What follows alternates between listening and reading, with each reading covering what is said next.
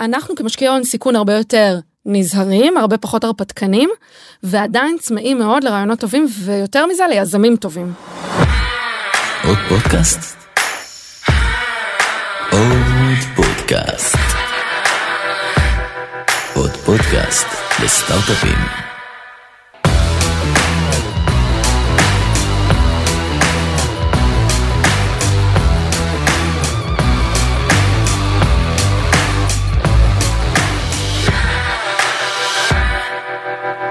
רוני, כן. הופה, זה הטון של התחלנו. אביעד, מה שלומך? אני עכשיו מנסה לשחזר את הקן של רוני. כן. יופי. ספרו קצת על עצמכם, נראה לי, לפני שנתחיל את הפרק ונדבר קצת על מקרו מיקרו ומה יזמים יכולים לעשות באקלים הנוכחי פיננסית. בואו תספרו בכמה מילים מי אתם, מה אתם, רוני, תתחילי. אני אתחיל? יאללה. ladies first. אז אני רוני, אה, אני CFO בקרן מונטה. מונטה זה קרן הון סיכון שמתמחה בפינטק ואינשורטק. אנחנו משקיעים בעיקר בחברות אה, ב-early stage אה, ומלווים אותם תוך כדי צמיחה. אני בתפקיד שלי כמשקיף מהצד כ-CFO רואה את החברות, מלווה אותם גם לאורך ההתפתחות הניהולית, הפיננסית. אה, אז יש לי את השנקל שלי על החברות שלנו וההתפתחות שלהם. מהמם, ואולי כמה מילים עלייך, על הרקע שלך, אישית, אני רואת חשבון ככלל ה-CFO זה פה בארץ. מעבר לזה שגדלת בראשון לציון, כן, ב-next door. ממש. אה, עשיתי את המסלול הרגיל, רואת חשבון, באוניברסיטת תל אביב, PwC, אה, הייתי קצת בהייטק, ואז shifting לעולם קרנות הון סיכון, והתאהבתי. And since then, I'm here. מה אפשר להגיד על אנשים שהתאהבו בהון סיכון? טוב, זו שיחה אחרת. אביעד, תורך. אה, אביעד צורק, מנכ"ל לפאונדרס, חברה שנותנת שירותי CFO לסטארט-אפים. אה, באנו לדבר פה בדיוק על הנושאים אה, שנראה לי מאוד אקוטיים, על אה, תפקיד ה-CFO בסטארט-אפים באקלים והמדיניות המשתנה בשנה האחרונה. אה, זהו ממש בקצרה על עצמי בן 38 נשוי עם קטנטנים אה, לא רואה חשבון בהשכלתי כלכלן בהשכלתי וואו. למדתי בן גוריון. גם עבדתי בקרנות הון סיכון וגם עבדתי בתור CFO בכמה סטארט-אפים. אה, ולפני שלוש שנים יחד עם תומר ועמירם הקמנו את החברה. אה, וזהו נותנים שירותים לקרוב ל-70 חברות ובא לדבר על הנושאים שאנחנו מתעסקים איתם ביום יום. מהמם. אני מאוד ציפיתי לפרק הזה כי אני חושב שזה נושא שאנחנו קצת פחות מדברים עליו בשגרה בתוך הפודקאסט אנחנו יותר מביאים לפה יזמים או מנכ"לים והרבה פעמים משקיעים ואם אנחנו מביאים אנשי מקצוע זה בדרך כלל מהזוויות שהם יותר אה, בוא נקרא לזה business oriented בסדר כל ההתעסקות ב-out facing של החברה מכירות ושיווק ומוצר וכדומה. אה, ופה אנחנו מדברים על משהו שכאילו בסוף back office ולכאורה בוא נגיד את זה גם את האמת נשמע משעמם. כספים ניהול פיננסים פקדונות גידור מטח מלא קללות. אבל בסוף בסוף כשדיברנו על זה ועשינו קצת גם איזה דיון לפני הפרק תשמעו בסוף אני לא חושב שיש יזם או יזמת שרוצים להקים היום סטארט-אפ או שעכשיו נמצאים מה שנקרא איפשהו בתוך ה-timeline של בין pre-seed ל-seed ובטח בשלבי צמיחה יותר מוקדמים ומאוחרים שכבר יש לך מודלים ואתה צריך אה, לנהל P&L אמיתי שלא צריכים להבין מה קורה היום בשוק הציבורי בסדר בכלל בכלכלה במקרו כלכלה ואיך זה משפיע עליהם כיזמים. אז אז קצת אולי לדבר על על מה שונה מה, בתקופה הזו לעומת uh, כל מה שקרה פה ב-15-20 שנה האחרונות. לא, אני חושב שקודם כל הדבר הראשון שקרה הפסיקו לדבר על צמיחה התחילו לדבר על רווחיות. זה מתחיל משורת הרווח הגולמי שרוצים שהיוניט אקונומיק יהיה חיובי שהמוצר בקצה יהיה רווחי עוד לפני שהחברה רווחית. שהמוצר בקצה ואחר כך אני חושב שככל שעובר הזמן במיוחד בחודשים האחרונים רוצים גם שהחברות יהיו רווחיות. רוצים לראות שורה תחתונה רווח נקי. וזה משהו שפחות נדרש מהתעשייה הזאת בשנים קודמות זו תעשייה שניזונה על ידי גיוסים וגדילה וצמיחה ואז עוד גיוסים עוד גדילה ועוד צמיחה. עכשיו כל ה-shifting אה, עובר לשורת הרווחיות. זה בא לידי ביטוי כמובן בדרך כלל בפיטורים. אנחנו רואים את הקיצוצים אפשר לדבר מילים יפות ולהגיד שזה קיצוצים בהוצאות החברה. התייעלנו התייעלנו. התייעלנו אנחנו כל יום רואים את הכותרות של החברות שלצערי נאלצות לפטר עכשיו את העובדים שלהם. זה הכל בשביל להגיע בדיוק לדבר הזה רוצים חברות שלפחות בשורת הרווח הגולמי בוודאי אבל גם גם בשורת הרווח התפעולי חברות שהן רווחיות. ש... יותר מזה אני אגיד שנראה לי אני טיפה אחדד את זה כי יש את 2022 ויש את 2023. 2022 חתכנו חתכנו חתכנו בהוצאות סיימנו כבר את הפיטורים אנחנו רגע אחרי. ועכשיו כמו שאתה אומר אנחנו מפסיקים לדבר על איך להגדיל ה-IRR איך להגדיל ה-IRR אלא יותר איך אנחנו צומחים באופן שהוא יותר ססטיינבילי. איך אנחנו משמרים את ההוצאות הקיימות ומותחים אותם כמה שיותר על גבי גידול של ה-IRR, שזה כבר שיח אחר לגמרי מ-2021 וגם 2022 שעצרנו הכל, חתכנו את כל ההוצאות ועכשיו אנחנו בעולם חדש. אני קראתי בלוג פוסט אני לא זוכר של מי זה אני מקווה ש... שאני אזכר בתוך הפרק של מישהו שאמר אנחנו בעידן הגם וגם. אני אני כאילו מוסיף משווה ו, וקצת סותר בסדר הוא בא ואומר אוקיי דיברנו על צמיחה של אנחנו רוצים לפחות 3x ברבניוז שנתי תראה לי שהיה לך מיליון לפני שנה ועכשיו יש לך 3 זה היה נכון לשנים האחרונות ועל כזה דבר גם אם בסוף לא היה לך אה, מה שנקרא לא היית רווחי זה בסדר ויכולת כנראה עם סיפור נכון וצוות נכון ומוצר נכון לגייס כסף. עברנו מהר מאוד בגלל סביבת הריבית אולי תכף נדבר על זה וכולי וכולי וירידת מכפילים וזרימת כסף מחוץ לאפיקי ההון סיכון למצב שבו רוצים לראות חברות יעילות או בוא נקרא לזה עסק בריא בסדר אני לא רוצה להגיד חנות מכולת אבל קרוב לזה. אבל בתכלס בגלל שאנחנו בעולם ההון סיכון ומשקיעים הם אה, מה שנקרא עם אה, פריבילגי מאוד אנחנו בסוף רוצים לראות גם וגם. בוא תראה לי שיש לך עסק עם משהו שקרוב לרווחיות אפילו להיות כשלו פוזיטיב כמעט ותראה לי גם שאתה צומח בקצב שהוא יותר מהיר מקצב של עסק רגיל. בסדר? לא ב... מה שנקרא 10 10 אחוז בשנה. תראה לי שאתה עושה פי 2 או פי 1 וחצי או פי 2 וחצי. עדיף מאשר לא. אתם מסכימים? אתם רואים את הדברים הזה האלה בדרישות אה, ממשקיעים בסיבובים של חברות? חברות יותר בוגרות אני חושב שכן זה לגיטימי גם שהמשקיעים שלהם יבקשו את זה זה גם מאוד uh, הגיוני שהמנכ"לים יפעלו. חברות יותר צעירות הם בבעיה כי הם עדיין נמצאים בשלב שגם אם מייצרים revenue הוא בטח לא יודע לבוא ולענות על הדרישות האלה שאנחנו מדברים. אז זה ממש בעיניי זה שני דיונים שונים קצת. אה, אני רוצה להאמין שזו דרישה לגיטימית מצד קרנות הון סיכון והמשקיעים שזה מה שיקרה בחברות עתירות סיכון כמו סטארט-אפים. באותה נשימה גם לבוא ולהגיד צאו מנקודת הנחה שאם אנחנו לא מדברים על קצב צמיחה גבוה וזה אומר להגדיל משמעותית תוצאות כי צריך להשקיע הרבה ב-marketing בפרסום לעשות deployment של כוח אדם בכל מיני מקומות אזורים חדשים סקטורים חדשים שרוצים להיכנס. יהיה מאוד קשה לבוא ולייצר את הקצב צמיחה הגדול הזה ללא ההגדלה של ה-spending. כן. אז אי אפשר מצד אחד לבוא ולהגיד להם תקשיב זה מה שאנחנו דורשים אבל אתם צריכים לשמור על cash flow positive. ובאותה נשימה גם להגיד להם אבל זה מה שאנחנו דורשים לכם. אז זה קצת סותר וזה גם לא פייר כלפי אותם יזמים. אני גם אני אני אני גם חושבת שהצמיחה הזאת היא לא רק צמיחה proper אלא משקיעי הון סיכון יהיו קצת פחות הרפתקנים בשנה שנה וחצי האחרונות ומחפשים לראות טווח ארוך מה שלא היה פעם. פעם היה אקזיט אחרי אקזיט סיבוב אחרי סיבוב היו הייתה שרפת מזומנים עכשיו יש ניסיון למשוך כמה שיותר אז אחרי שוב אחרי שקיצצנו אני רוצה לראות את הגידול. אני לא בטוחה שאני רוצה לראות גידול כזה שמכפיל את עצמו משלש את עצמו מרבע את עצמו אלא יותר תוכנית שיש לה.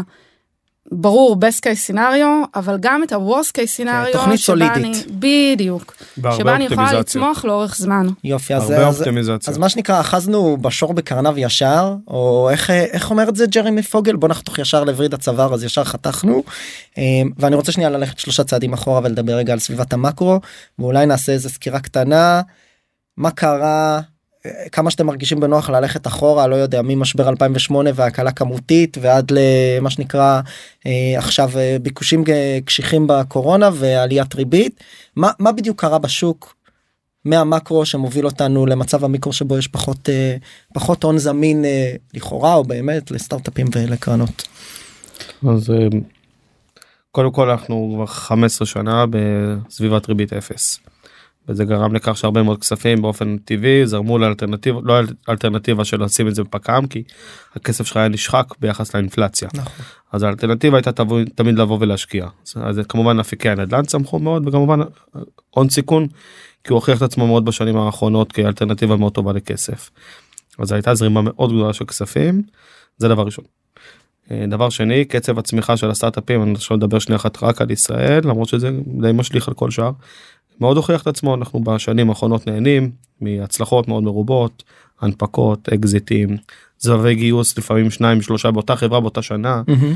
קצב צמיחה מאוד מוגבר וחלק אולי אפילו טיפה יותר מדי מוגבר. אני חושב שזה גם קצת פגע בנו בשלב מסוים. אז אה, כל הדבר הזה מאוד אה, צמח מה, מתוך, ה, מתוך כל התופעה הזו שנוצרה אנחנו חווים בשנה האחרונה פחות או יותר ממש ביום בגדול שפוטין החליט לפרוש לאוקראינה באיזה ממש נקודת זמן שבו אנחנו ממש נעצרנו אני לא מאשים לא מאשים עכשיו ספציפית את פוטין מה שקורה פה הוא גם אשם. אה, רצינו לעשות אגב פאנל משולש הוא לא הוא לא הצלחתי להשיג אותו. הוא לא הצליח לא הוא לא היה זמין. הוא לא זה- ענה לקלנדלי בלינק. אז הריבית אה, עולה כמעט כל חודש בחודשו עולה כן. לפעמים ביותר מרבע אחוז כמו שמקובל. כן. גם- אני אתן לזה כותרת בכוונה דרמטית זה גם נכון בסדר זה מה שנקרא תרגישו בנוח עם זה שאני זורק פה סופרלטיבים כי אני לא בחור של סופרלטיבים זה קצב העלאת הריבית הכי גבוה שהיה מה שנקרא בהיסטוריה של הכלכלה המודרנית. הריבית עלתה משמעית. מאפס לבערך חמישה אחוז לדעתי בשלושה חו- שלושה לא, לא, ארבע- יותר, יותר. קצת יותר כמה חודשים אנחנו בשביל חד חצי משמעית שעה. וגם יש פה נראה לי כמה שנה. כוחות היה פה גם את הקורונה 2021 שהיו אקזיטים מטורפים נכון. ראינו פה גיוסים עם שווים לא הגיוניים נכון כי כולם ש- אה, כולם אמרו דיגיטציה זה מאיץ תהליכים בעצם עם חברה עם החברות הגדולות בשוק הציבורי כמו אמזון מייקרוסופט וכולי שוות אה, מעל לטריליון דולר אז המרקט קאפ הכללי של סקטור הטכנולוגיה הוא כמעט אינסופי נכון כן, אז קרה כל פה החבר... סטייל זום, כל אה, בדיוק. חברת טכנולוגיה הפכה להיות סינדרלה ותושיע אותנו, וכולנו הלכנו לעבוד מהבתים, והעובדים שווים מלא כסף, ונהיה פה טרלול משוגע, מכפילים שלא ראינו, מודלים עסקיים שלא תומכים בכלל ברווחיות ever, חברות יוצאות פה מחזיק לגיוסים מים. לא הגיוניים, אה, ומתישהו ידענו שהבועה תתנפץ, אז א' הבועה התנפצה, וב' באה ריבית מאוד מאוד גבוהה. משמע אם אני משקיע הון סיכון או כל בן אדם אחר ויש לי 100 שקל מאוד יכול להיות ששווה לי לשים את המאה שקל האלה בפיקדון בבנק שהוא שקט והוא זמין ואני יודעת שאין בו סיכון כמעט ולקבל 4 עד 6 אחוז תשואה שגם זה היה ועדיין מהמם. לבין לשים את הכסף כן לשים את הכסף בהון סיכון לא בטוח שאני אי פעם אראה את הכסף ומתי אני אראה את הכסף. כבר אנשים מעדיפים ל- לשים את הכסף מתחת לבלטה ונהיה פה כאילו מין אה, כמה כוחות מקרו שמשפיעים על השוק בנקודת זמן מסוימת וזה הבום הגדול. אז אז באמת בוא נדבר על אני, זה אני דרך אגב אה, רק מהצייד שלי לא חושב שאנחנו עדיין בבום הגדול. אנחנו בפיצוץ נכנסנו- הגדול של הבועה אנחנו כן. עדיין לא בפיצוץ אנחנו הגדול. לקראת אני טוען שסוף השנה יהיה פה מרחץ הדמים נכון בול. ייגמרו הכסף לחברות ייגמרו הכספים בחלק מקרנות ההון סיכון אותם חברות שת- קרנות שתדלקו את אותם חברות. ואז נהיה בבעיה אמיתית. אז תכף נדבר רגע על הבעיה האמיתית בכוונה כי אני רוצה להגיע לזה אבל אני רוצה שנייה לשבת עוד קצת על הנושא של המקרו ואולי קצת לבאר את זה גם במספרים. אז היו פה באמת בש... בוא נדבר על זה במספרים קונקרטיים במקום במילים יפות היו פה אני לא בקיא בנתונים. אני אף פעם לא זוכר אני צריך ללמוד את הדוחות האלה אבל בגדול היו פה כמה מיליארדי דולרים בשנה שנפרסו אה, בסטארט-אפים או מה שנקרא venture backed companies לפי הדוחות תלוי אתם מסתכלים על פיצ'בוק על Startup Nation על IVC הגענו בערך ל... חשבנו שהגענו לשיא הגענו לשלושה מיליארד ואז לחמישה מיליארד בשנה ואז ב-2021 עשרה מיליארד ועשרים ואז מיליארד. ב-2021 2022 הגענו ל-10 12 מיליארד תלוי איך אתם סופרים ש- 21 עשרים. מיליארד. ואז הגענו ל- ואז ל-21. ל-20 נכון. ואז ל-2021. נכון. שזה היה קפיצה של פי 4 פי 5 ושוב חשוב להגיד הקפיצה הזו הייתה משנה לשנה בסכומים הכי גבוהים שהיו פה אי פעם. בעצם נכון. השוק הישראלי ה-Startup Nation הישראלי רק לא מזמן לפני שנתיים נהנה מקצב שיא והיקף שיא של השקעות הון סיכון. שאגב זה שני דברים. אחד זה שכסף נכנס ו... ויש פה פיצוץ אוכלוסין נכון. והשני זה באמת הקצב. פתאום חברה שלא תיארה לעצמה שהיא תשיג כל כך הרבה כסף אני אומרת לכם שכקרנות היו קרנות שדפקו על דלתות של חברות והחברות אמרו לא אנחנו בכלל לא רוצים להיכנס לסיבוב. תשמע אני נותן לך valuation-ציה xyz שווה לך קח את הכסף. נכון לקחו את הכסף ולא היה מה לעשות על הכסף הכסף היה על הרצפה הריבית הייתה אפסית והתחילו גם לגייס בכמויות. לגייס עובדים ולהוציא כסף כן. ולנסות לצמוח כשלא ברור אפילו לפעמים יש לאן? מודל עסקי. וקרו פה כל מיני דברים שהיו פה כל מיני קרנות ודיברנו על זה הרבה בפרקים קודמים היה פה כל מיני crossover funds למיניהם בוא ניתן להם שמות Insight Partners ו-Tiger Global אה, לשעבר שכבר פחות פעילים פה וכל מיני קרנות שהתחילו to set up shop פה Blackstone ו-General Atlantic וכולי שנכנסו פה קרנות שמנהלות מיליארדים ועשרות מיליארדים ועשו פה סיבובים מפלצתיים. אני שוב אנסה לתת אה, נתונים הם חצי מדויקים כי אני לא זוכר את המספרים בעל פה אבל היה דוח שווינטג' הציגו. הפנדופן סקנדרי הקונגלומרט שלהם אגב דוח מדהים הציגו את זה בכנס שלנו אני לא זוכר איך הם קראו לזה בדיוק לדעתי זה היה the A round dilemma או משהו כזה הם הראו סטטיסטית זה היה בשיא הבועה כמו שאנחנו קוראים לה שחברה שמגייסת seed בתוך כמה חודשים ספורים מגייסת כבר A ללא קשר למטריקות שלה בתוחלת של מעל ל-80 אחוז זאת אומרת כמעט כל חברה שגייסה seed כבר גייסה A אחרי כי באו הקרנות האלה וניפחו את השוק ואז נוצר איזה FOMO פסיכולוגי כזה. שכל הסיד פאנס של ישראל אמרו טוב אם אני כבר השקעתי ב-seed ועכשיו uh, Tiger מסתכלת כדאי שאני כבר אדפוק שם A כדי שלא לפספס את הסיבוב לא רע, גם ואיבדנו קשר ש- למציאות. גם כי- קרן ששמה כבר את הצ'ק הראשון ונכנסים עכשיו כספים בסדרי גודל כאלה ולא רוצים להיות מדוללים עד כדי כך חייבים לשחק את המשחק. נכון כדי לשמור. על ה... ובעצם נשפכו פה ונשפכו פה כמויות. ונשפכו פה כמויות ועכשיו אנחנו מגיעים אחרי שעשינו setting the stage לזה אנחנו מגיעים למצב שבו הבועה מתחילה להתפוצץ. ואנחנו רואים את זה אני רואה את זה באופן אישי כמשקיע pre-seed פונים אליי עשרות חברות שגם גייסו מיליון 2 3 זה נשמע הרבה at a time ואולי הרבה למי שעוד לא גייס. אם אתה מייצר לך head count של 10-20 איש אתה מסיים את הכסף הזה בתוך חודשים ספורים ברור. המודל העסקי לא עובד אין market fit ועכשיו מחפשים מה לעשות והמשקיעים הקודמים לא תמיד ששים לשים עוד כסף. אז מה מה קורה אנחנו נראה עכשיו down rounds נראה סגירה של חברות מה לאן כל זה אה, אנחנו הולך כבר אז רואים את רגע לפני-. אז רגע לפני רגע לפני אז סיפרת את 2021 אנחנו מפספסים שנה של 2022. תני לנו את 2022 2022 מתחילים להיגמר הכספים מחצית ראשונה של 22 עוד לא מחצית שנייה של במאי. 22 רואים. ואז מתחיל ה buzzword החדש סייפים. מתחיל לרוץ פה סייפים לא, כמו צ'קים סייפים, פתוחים היה סייפים לפני. לא בסדרי גודל זה כאלה. עדיין לא היה פשוט ב down round זה מסוג. לא בסדרי גודל כאלה. צ'... סייפים יצאו פה בצ'קים לא סבירים. כל חברה שעומדת לסיים את הכסף במקום לצאת לראונדים כמו שצריך מתחילים לבקש סייפים הסייפים גם התחילו להיות עם תנאים לא הגיוניים כי הם רק היו צריכים כסף ל runway אז פתאום אין לך בכלל כאילו market cap אין לך discount או שה discount הוא, הוא שולי ביותר העיקר כסף כסף כסף ועכשיו גם עונת הסייפים נגמרה. והוא גם חונה מעל החברה אל תשכחו שבהתחלה גם הרבה קרנות הון סיכון אמרו אנחנו לא רוצים עכשיו שכל השווי המאזני של החברות שלנו ירד ב-90 אחוז. לא רגע אבל זה לפני ה down. ראונדים והזה היא עוד מדברת לא, על סייפים במיליונים ובעשרות כי מיליונים. נתנו להם עוד כמה חודשים שאורך חיים בואו תנסו להגיע לאיזה milestone משמעותי שיצדיק גיוס בשווי נורמלי. נכון זה היה המטרה כדי שהם לא רצו שיהיה down round זה לא טוב גם לקרנות לא טוב ליזמים לא טוב בעיקרון לאף אחד. נכון אז אה, מצד שני זה- זה כסף שחונה מעל החברה כמו נכון. שאומרים אתה ממיר אותו אחרי זה ל equity והוא מכביד מאוד על ה cap table נכון. והוא מייצר מצב שבו בסיבוב הבא הבא מה שנקרא ב equity ב priced round האמיתי מתי- מתישהו אתה יהיה קפיטליזציה ואנחנו מגיעים אליו. עכשיו אז בוא נדבר על מה קורה רגע ב-2023 המון דאונרייטים אני חושב ששבוע שעבר פורסם ספציפית אה, סביב החברות של סופטבנק אז עד 90 אחוז אה, חברות וזה חברות ענק ישראליות זה לא חברות קטנות נכון אז אה, וזה הכל נגזר גם מהשוק הציבורי שוב הריבית עולה אה, במאה- כסף הולך פחות לאפיקים טכנולוגיים ולאפיקים עתירי סיכון אז המכפילים יורדים אם המכפיל בשוק הציבורי הוא 5-7 או 5-2 או 6-4 אז uh, אתה היום צריך כדי להיות יוניקורן אתה צריך יותר מ-100 אני מגזים כן יותר מ-100 ברור. מיליון דולר ARR. ויותר יותר, מזה אה, זה... זה- זה גם תקף על החברה עצמה אם חברה הייתה סוגרת סיבוב ולוקחת venture lending ומוודאת שיש לה cushion. אז עכשיו כשהיא עומדת מול ה venture lending ורואה את התנאים שלה והרי venture lending הריבית צמודה לריבית סופר whatever מאיזה בנק שלא לקחת אז פתאום הריבית גבוהה ואין להם יכולת החזר של זה אז גם venture lending הם לא יכולים לקחת ואנחנו מתכנסים לאותה נקודה שנגמר הכסף לחברות וצריך לצאת לסיבוב ואתה דחוק לפינה. אתה דחוק לפינה כי גם לא אתה המטריקות שלך לא מתאימות לשווי שלך. נכון פתאום השווי ה... יש חברות שעושות אה, מה השווי האמיתי של חברות לא השווי שמגייסות. פתאום נצמדים לשווי האמיתי של דבר שלא היה- לא היינו רואים בעבר. אומרים פתאום המשקיעים רוצים טוב ת- תראו לי את ה-409 שלכם אנחנו רוצים לראות את השווי האמיתי של החברה. מה הנכסים מה רשום באמת בדוחות שלכם. ש-409 זה גם לא תמיד השווי האמיתי אבל נשים אותו רגע אה, בצד. אתה לא תפתח פה עכשיו חזית נעשה את. המחמיר. אבל אה, אז אה, אנחנו רואים את זה ודבר שני תשימו לב מתחילים לדבר יותר ויותר על פחות גיוסי הון יותר גיוסי חוב. פתאום חברות סטארט-אפ מתחילות להתנהג כמו תעשייה קלאסית. מתחילות לגייס בחוב וזה הפך להיות אני כבר נגיד venture lending אני כבר רואה פחות פחות הזדמנויות. אני פעילות פה שהייתה פה בישראל. מה שהיה קודם כל SVB SVB זה SVB, ברור. ה venture שהובילו- הראשי פה בעולם ההייטק הישראלי שנפל. לא ו- רק בהייטק הישראלי גם בארצות הברית הם כן. נתנו המון המון venture lending זה היה מכשיר פיננסי שעבד מאוד טוב יש ויכוחים על האם זה מכשיר פיננסי שעובד רק בשוק עולה. ב-15-20 שנה האחרונות או לא הנתונים של שה- אני חושב SVB שהוויכוח אה, הושלם.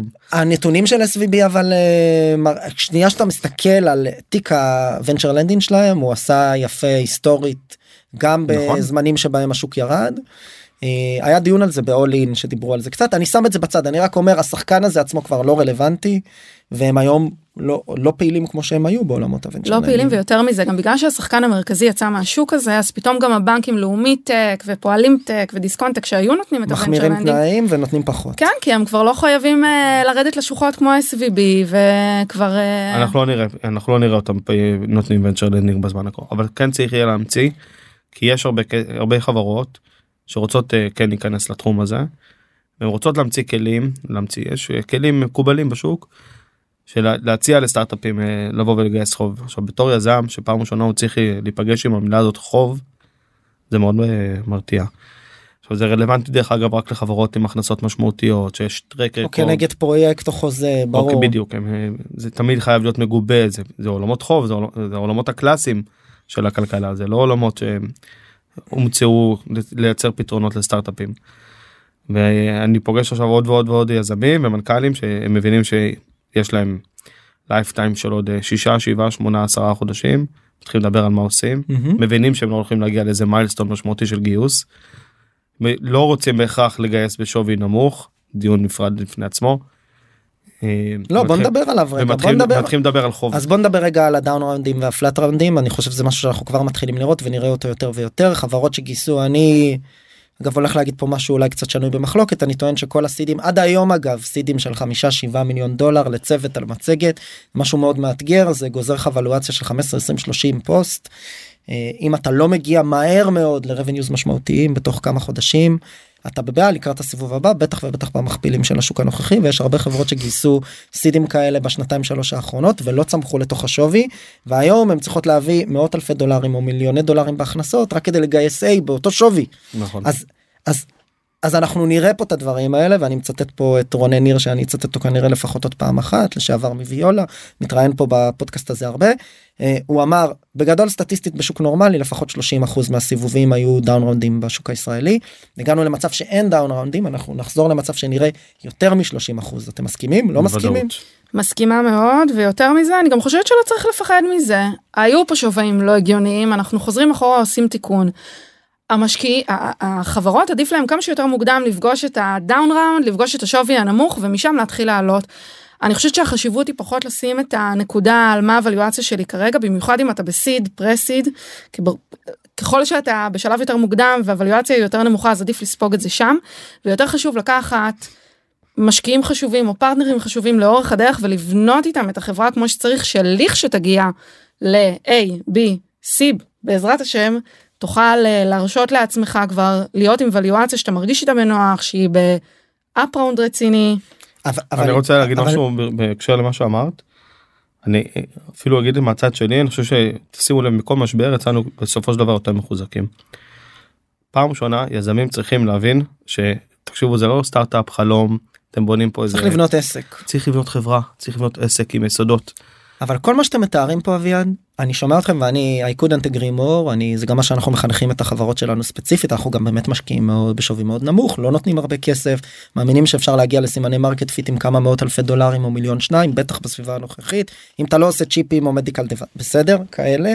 וסייג סייג סייג לא משנה תכף נדבר על זה. אה, אבל בסוף אני חושב שיש פה איזשהו culture של השוק. ובסוף צריך להגיד האחריות היא לא רק על היזמים האחריות היא גם על מנהלי הכספים שגייסו קרנות מאוד גדולות ונתנו כסף מאוד גדול בלי לבדוק בהכרח תמיד את המודל העסקי ומ- ומחנכים כשיש לך שפע אתה לא מתרגל לעבוד במשאבים מצומצמים ובאיזשהו מקום קצת התרגלנו שסבב seed היום הוא חמישה או שבעה מיליון דולר פונים אליי כל מיני חברים מ-8200 שעשו סייבר סייבר וככה הם מגייסים. סוגריים לירן גרינברג אני מוסר לך דש הבטחתי למסור לו דש כל פעם שאני אומר סייבר בפודקאסט אז, אז בבקשה. אה, ו, ואני אומר האם יש לזה הצדקה או לא? האם אנחנו צריכים באמת לחזור לימים של אה, לפני 10 15 שנה כשעבדנו עם משאבים יחסית מוגבלים seed היה חצי מיליון מיליון דולר כדי לבנות חברת תוכנה עוד לפני מהפכת הענן אפילו ולבנות ביזנס מהר ולעשות לו ולידציה ואז להגיע לאיזה גייט כזה שבו אנחנו מגייסים את השלב הבא? האם התרגלנו לוולואציות גבוהות מדי? אני לא יודע אם 15 שנה 15 שנה זה הרבה. 10 שנה. אולי אפילו קצת פחות. כי איפשהו באמצע בתפר של 10 שנים היינו היינו במקום יחסית יותר טוב. אני מדבר כבר ספציפית על אזור נגיד 2017 18 19 מהמם. לפני ה- לפני הפיצוצים היותר גדולים שהיו כבר. אז הסידים אה, שילשו את עצמם. כן, 2017 התחיל 16, התפתחות, 17. הבועה, עד אז הסידים היו חצי מיליון מיליון מיליון וחצי חוץ מכמה להוציא פתאום סיד אז אז השתגענו אני זוכר אה, אני הייתי ממש בתחילת הקריירה שלי כמשקיען סיכון אבל הדיבור היה עם כמה וכמה משקיעים מה איזה מטורף ממתי סידו 3 מיליון 3 מיליון דולר. ועכשיו פתאום זה 5 7 אז אני אגיד לך מה, והקרנות אני- גדלות בהתאם. עם מיליון דולר קשה להגיע הרבה פעמים לזה שוב גייסת שלושה ארבעה מתכנתים גייסת עוד טיפה צוות מהמם. ניסית לחדור לשוק יש לך אחרי שנה של של קצב שרפת מזומנים אתה כבר חנוק מאוד. איפשהו עם טיפה יותר אני חושב שאני כל חברה בפני עצמה כמובן כן תלוי אם זה deep tech לא deep tech הרבה סייגים כמו שאמרת. אבל עם אה, סכומים יותר אה, שפויים של seed ים של אה, הייתי אומר בין 2 3 אפשר לבוא ולהראות התכנות משמעותית עם revenue ראשוני ברוב הסקטורים עכשיו אני נזהר פה כי שוב צריך להיכנס פה לפרטי פרטים בכל חברה ומה שמאפיין אותה ובאיזה סקטור היא פונה וכדומה. ואני כמה, כמה שנחזור למקומות האלה אה, אני חושב שזה יותר טוב אני אגיד עוד משהו יותר חשוב הפחד יותר גדול זה מה אם לא נעשה גם את זה. כמה חברות מוצלחות נהדרות אנחנו מפספסים בגלל ה-state of mind עכשיו פה בישראל ספציפית שלא לא מוקמות כי מפחדות ליזמים עצמם מפחדים לקחת את הסיכון מהמם. מה אני צריך את זה אני אשאר טוב להיות שכיר בחברה x לעשות y אם לא יפטרו אותי. אם לא יפטרו אותי כן. אז אה, וגם יפטרו אותי אתה יודע תשב בבית חודשיים שלושה ארבעה כנראה שתמצא עבודה. זה רמת סיכון הרבה יותר גבוהה. ואני מפחד ובדיוק שמעתי את יזהר שי מדבר על זה. כמה חברות נהדרות אנחנו מפספסים בשנה האחרונה שלא הוקמו כן. בגלל, בגלל ורואים את זה בנתונים שקצב ההקמה של חברות חדשות למרות שהנתונים הם קצת בייס כי כשמודדים את זה פה בארץ אז הם לא מודדים חברות שהתאגדו בדלאוור כרגע. אז גם וגם כשנחכה לראות את הנתונים לפי דעתי רק ב-23 בסוף 2023 נראה את הירידה המשמעותית זה קצת קשה עוד אה, להגיד בינתיים אנחנו רואים את הז... אנחנו רואים 80 אחוז פחות ב... או 70 אחוז פחות כן. בגיוסים. בקצב אנחנו. גם משחירים את המצב לחלוטין. רגע, חברים, לקרנות עדיין יש כסף, אנחנו מחפשים to deploy it, חברות טובות עם רעיון טוב, גם אם אנחנו עדיין לא ב product market fit, לא אבל הרבה יצאנו יותר לשוק. קשה רוני. הרבה יותר קשה. אנ- אנחנו כמשקיעי הון סיכון הרבה יותר נזהרים, הרבה פחות הרפתקנים, ועדיין צמאים מאוד לרעיונות טובים, ויותר מזה ליזמים, ליזמים טובים. אבל יש פה כמה אלמנטים אני מסכים אבל יש פה כמה אלמנטים שאני רואה אותם מהקרנות באמת שמנהלות כבר כמה עשרות או כמה מאות מיליוני דולרים חלקן בבעיה. נכון. הם בתוך הקרן. הם השקיעו כבר שנה שנתיים נשאר להם עוד שנה שנתיים יש להם כמה עשרות מיליונים בקופה עכשיו יש פה את אה, אה, לא יודע את ה, כזה משפט שלמה האם אני משקיע עכשיו בחברות הפורטפוליו הקודמות שלי שחלקם לא צמחו נכון, לתוך השווי בעיה. נותן שב אה, סייף או לא באותו שווי פחות וכולי מביא עוד משקיעים או מקבל החלטות חדשות סטטיסטית אנחנו רואים את זה הרבה פעמים ואני אצטט משקיע לא משנה את השם כי הוא לא לא קיבלתי אישור אבל הוא אמר השבוע הפליי זה לשרוד את 2023 כי עד אז בתקווה תהיה בהירות גם במקרו ואולי אולי אולי ולא אמרנו על זה מילה גם במיקרו רפורמה מצב פוליטי אני לא מסכימה, אני לא חושבת שהישרדות צריכה להיות בכלל כלי או שם קוד ליזם. יזם צריך לצמוח, יזם צריך לגדול, יזם צריך להבין את הסביבה שהוא חי בה כרגע. אני לא חושבת שהישרדות היא מילת המפתח. שוב, רעיונות טובים, אנחנו צמאים להם, מחפשים אותם, רוצים להשקיע עוד.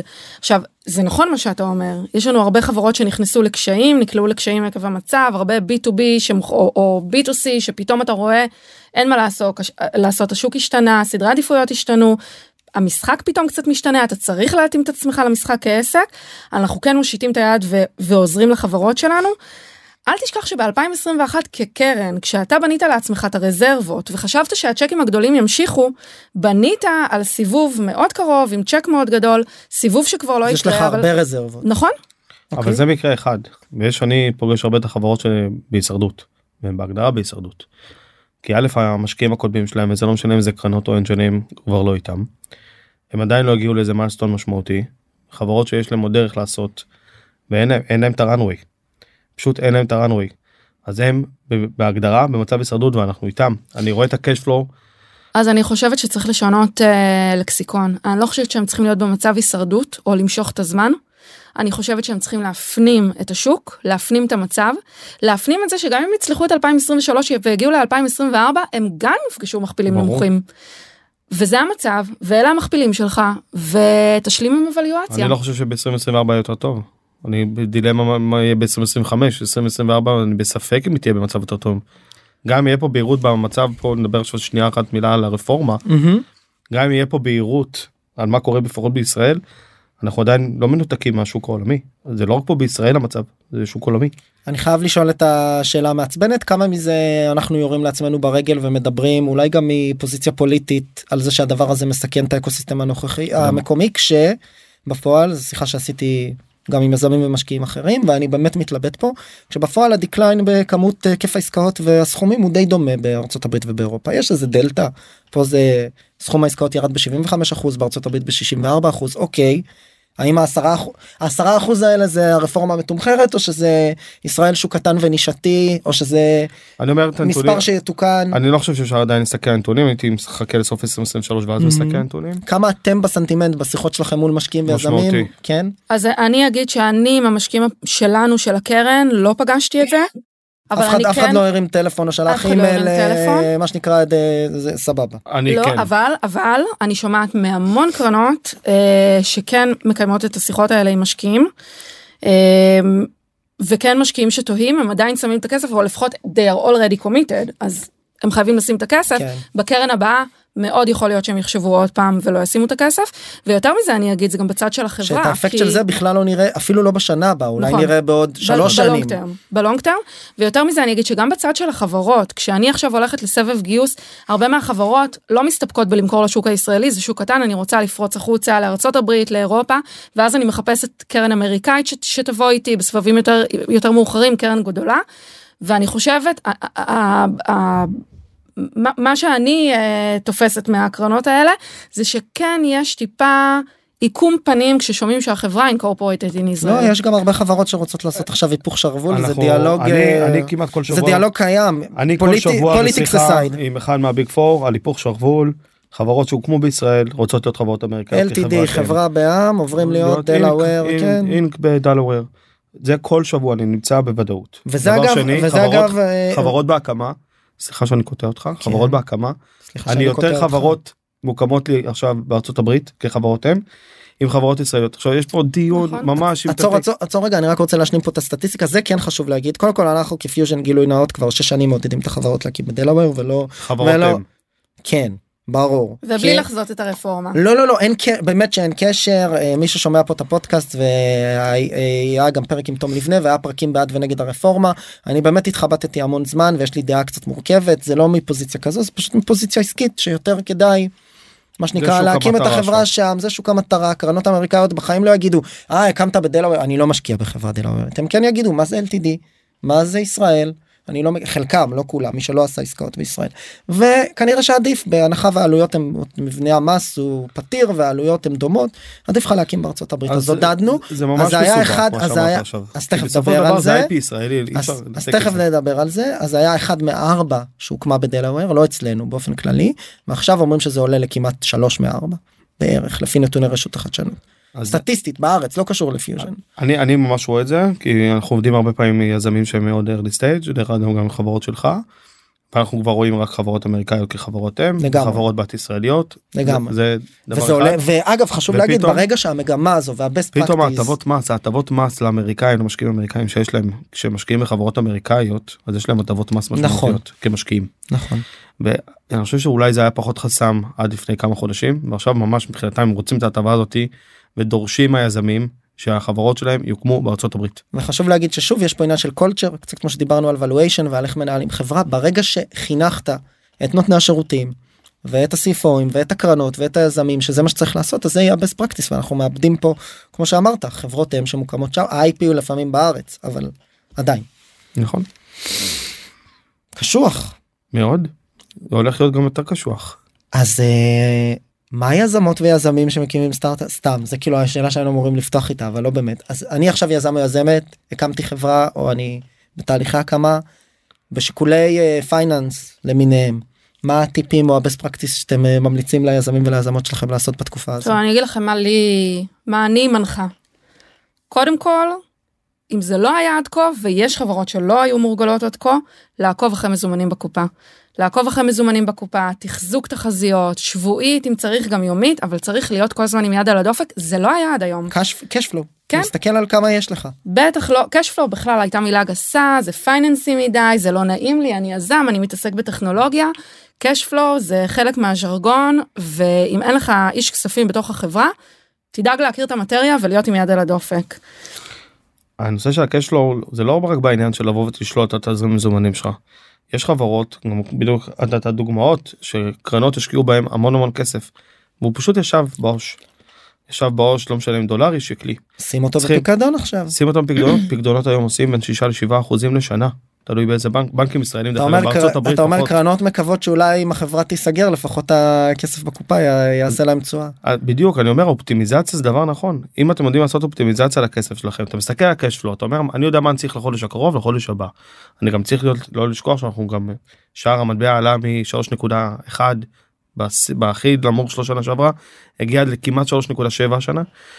יש פה פער של קרוב ל-20 אחוז 18 וחצי אחוז מה שאמרתי עכשיו על השווי של הכסף אם לא גידרת את עצמך אם לא עשית שום דבר בשביל לשמור על הכסף שלך אתה בבעיה זה דבר ראשון. מה שנקרא אם העברת את הכל לשקלים ולא עשית שום פעולה אחרת נכון. הפסדת 20 אחוז מהכסף. משמעותית אם הימרת פקדונות שנה שעברה בדולר. זה נראה לי הכותרת הגדולה, ללכת לקבל ציטוטים מבנקים, במיוחד אגב בנקים ולעשות- ישראלים יש להם ריביות מדהימות, אה, מדהימות לעומת. אמריקאים דרך אגב זה 2 אחוז יותר. כן. אה, אז דיברנו להסתכל על cash flow, אז קשלו לשים את הכסף בפקדונות, פקדונות בפקדונות דולרים. וגם לגדר לא לשכוח לגדר כי אתם חשופים בעיקר בדולר מול השקל רוב הוצאות שלכם הם שקליות משכורות. וכדומה. אז לדעת לי גם לגדר להיות עם היד על הדופק. ואני אגיד גם במקרו ועכשיו נחבר את המקרו ואת המיקרו וגם את, אה, את שערי המטח להתכונן לזה שמה שתכננת להוציא כנראה יעלה לך יותר בחודשים הקרובים. חד משמעית, אני חושבת כי אם השקל נחלש מול הדולר אני חושבת שאנחנו תמיד מדברים על שער החליפין בשורטר מה קורה כרגע אה, פקדונות דולרים מניבים תשואה זה אחלה צריך לזכור שאנחנו כלכלת אי. אנחנו שער הדולר היום בעוד כמה חודשים אם לא שנה ישפיע על זה שהמוצרים שאנחנו קונים המחשב שאנחנו קונים אה, הכל יהיה יותר יקר. הכל הכל, יותר יקר. כל החומרים הולך עשו על להיות זה יותר יקר. בתוכנית חיסכון נכון הראו איך אה, אה, חופשה בקפריסין שעלתה פעם לא משנה 4,000 אה, 3,900 עכשיו חודשיים עברו והיא עולה 4,500 ברור. כאילו גידול של איזה זה חמישה חמישה כמה חודשים עשרה אחוז שנה. כי השקל נחלש בוא נסביר את זה שנייה לדאמיז והדולר התייקר ואז אנחנו יכולים לקנות פחות פחות דולרים כסף שלנו. שווה פחות. הוא שווה פחות. כסף שלנו שווה פחות, המוצרים יתחילו להיות יותר יקרים, אבל זה גם יותר מזה, כי אנחנו לא רק צריכים להיזהר ממחשב יקר, אלא ברגע שלנו כאנשים יהיה יותר קשה לקנות דברים, אנחנו נדרוש יותר משכורת וגם המשכורות יעלו.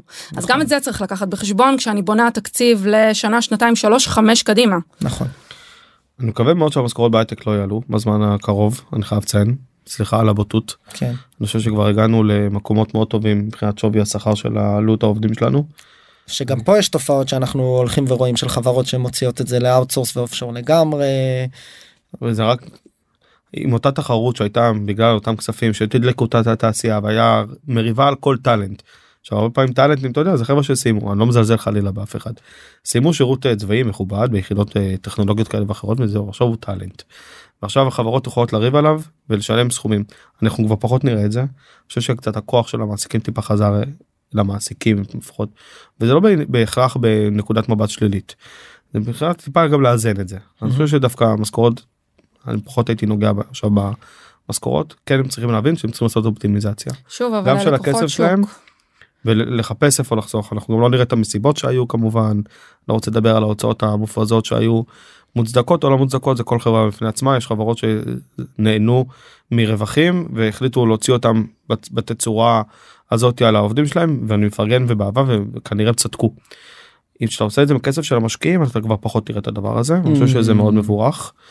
וצריך טיפה צניעות וזה בסדר. אה, אבל אה, התחלת להגיד על המשכורות סליחה. כן, שאני אני לא...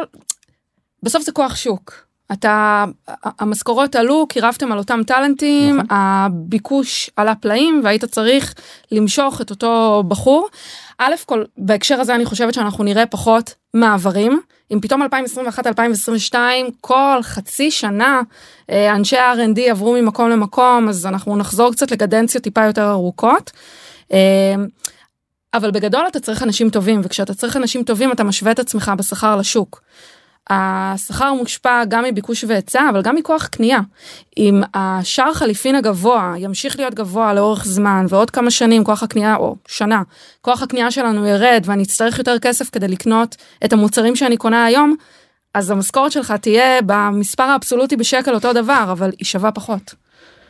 רק תעשה, מה שמאוד משפיע על הדבר הזה אלפי המובטלים שלצערי נפלטו לשוק בחודשים האחרונים גם מהחברות הגדולות וגם מהחברות הקטנות. מאוד משפיעים פה על אה, מחיר השוק כי עכשיו פתאום יש תחרות על אה, תפקידים. אז אה, קצת יש. פעם אחת תחרות על תפקידים על כל ג'וב פנוי ופעם שפעם שנייה דיברנו על זה החברות עצמם מסתכלות יותר בעין של בנרטיב של התייעלות ולראות האם הבן אדם הזה באמת נכון העלות השולית שלו היא שווה לי. כן, נכון. מנסים הרבה יותר למשוך את ההוצאות ואת הכוח אדם שיש לנו עכשיו על גבי הצמיחה ככל שניתן. אני חוזר אם יש אה, דיברת על טיפים אז דיברנו קצת על אופטימיזציה של כסף וריביות נכון, ופקדונות ומה שאפשר לעשות ומטח. ואני כל הזמן עובד עם היזמים שאני עובד איתם בעיקר על שורת ה unit economic. תראו לי שברווח הגולמי אתם יודעים להיות רווחיים בקצה במוצר שלכם. משם צמיחה כל צמיחה תהיה מכובדת בסוף אתה, תהיה, אתה תראה את זה גם למטה בשורת הרווח התפעולי גם אחר כך ברווח הנקי. אז אה, על זה אני חושב שזה צריך להיות הדגש. ואם יש לך מודל עסקי שמתחבר ל market שמתחבר למוצר מתחבר למה שאתה עושה ובסופו של דבר אתה יודע לייצר unit economic חיובי. זה המפתח זה ל-early stage. לחברות שהן יותר בוגרות תתייעלו כמה שיותר. פשוט תתייעלו כמה שיותר כי נכון לעכשיו תצאו מנקודת הנחה שכל גיוס שתעשו גם אם אתם ממש טובים כל גיוס שתעשו אתם תעשו את זה בסיבוב יותר נמוך משמעותית ממה שגייסתם נכון, בעבר נכון ותעשו הכל בשביל שהרנוויי ימשוך אתכם ושתגיעו לנקודת גיוס בצורה הכי אופטימלית כחברה. עם הכנסות עם יציבות עם צוות שיודע לעבוד עם אופטימליות. ואם תדעו אפילו להגיע ולהראות למשקיעים הבאים שלכם תקשיבו אנחנו כבר רווחיים גם בגולמי אפילו אולי גם בתפעולי אתם תצליחו לגייס אני רוצה להגיד במצב אופטימלי אולי באותו שווי שגייסתם לפני שנתיים Mm, מה נכון אולי אה. צמחתם לשווי שנתנו לכם אז אולי אולי זה מוצדק. אולי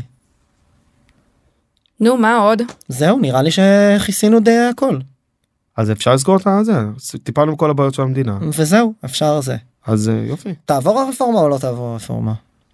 תחזית לא משנה במתכונתה הנוכחית או לא היא- לא משנה היא, תעבור ב-20% ממה שהם תכננו 20 אחוז משהו חייב לעבור צריך לתת משהו לקהל לא? צריך משהו. צריך לתת משהו אני לא יודע נראה נראה רגע אם היא תעבור. אני לא- בוא נגיד צריך איזה גם גם הצד השמאלי של המפה הפוליטית אומר שאני לא רוצה עכשיו להיכנס לכל הזה שצריך לעשות תיקונים מסוימים במערכת המשפט.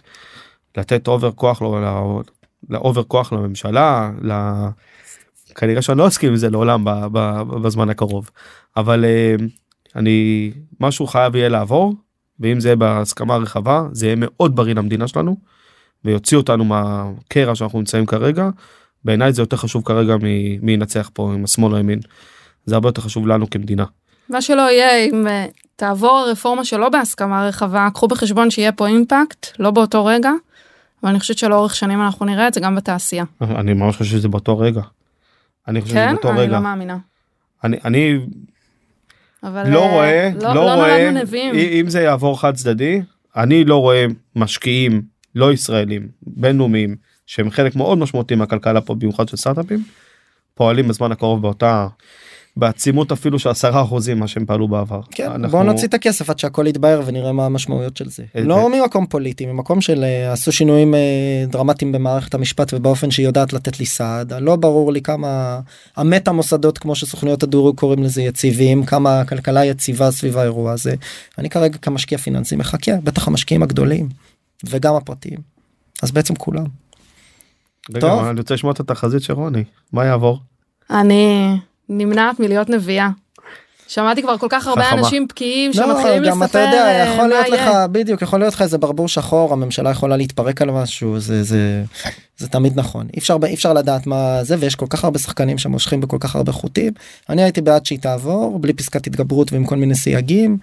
אחרי שקרו כמה תמורות אה, בסביבה הפוליטית, אני היום קצת נגד, בטח במתכונת הנוכחית, אבל בסדר, בוא נראה מה יקרה. נראה. יאללה שיהיה לכולנו בהצלחה. בהצלחה רבה, תודה שבאתם, רוני, אביב. תודה תודה. שאירחת אותנו. בכיף. חברות וחברים, תודה רבה שנשארתם עד סוף הפרק והאזנתם לי. אני מקווה מאוד שהפרק העשיר אתכם ולימד אתכם משהו חדש, ואם הרגשתם שלקחתם משהו מהפרק הזה, אני ממש אשמח שתשתפו אותו ואת הפודקאסט בכלל, כדי שעוד יזמות ויזמים בתחילת הדרך בישראל יוכלו ללמוד על איך להקים ולהתחיל את הסטארט-אפ שלהם. אם אתם רוצות ורוצים לשמוע עוד פרקים, אני מזמין אתכם להירשם למעקב. כל הלינקים למעקב אחרי הפודקאסט שלנו מופיע ב description, וכמובן אתם מוזמנים לפנות אליי, או בלינקדאין או באינסטגרם, ולספר לי איך נהניתם מהפרק ומה למדתם, או סתם לכל בקשה ותהייה, גם הלינקים האלה מופיעים אצלנו בפודקאסט. תודה רבה, ונתראה בפרק הבא.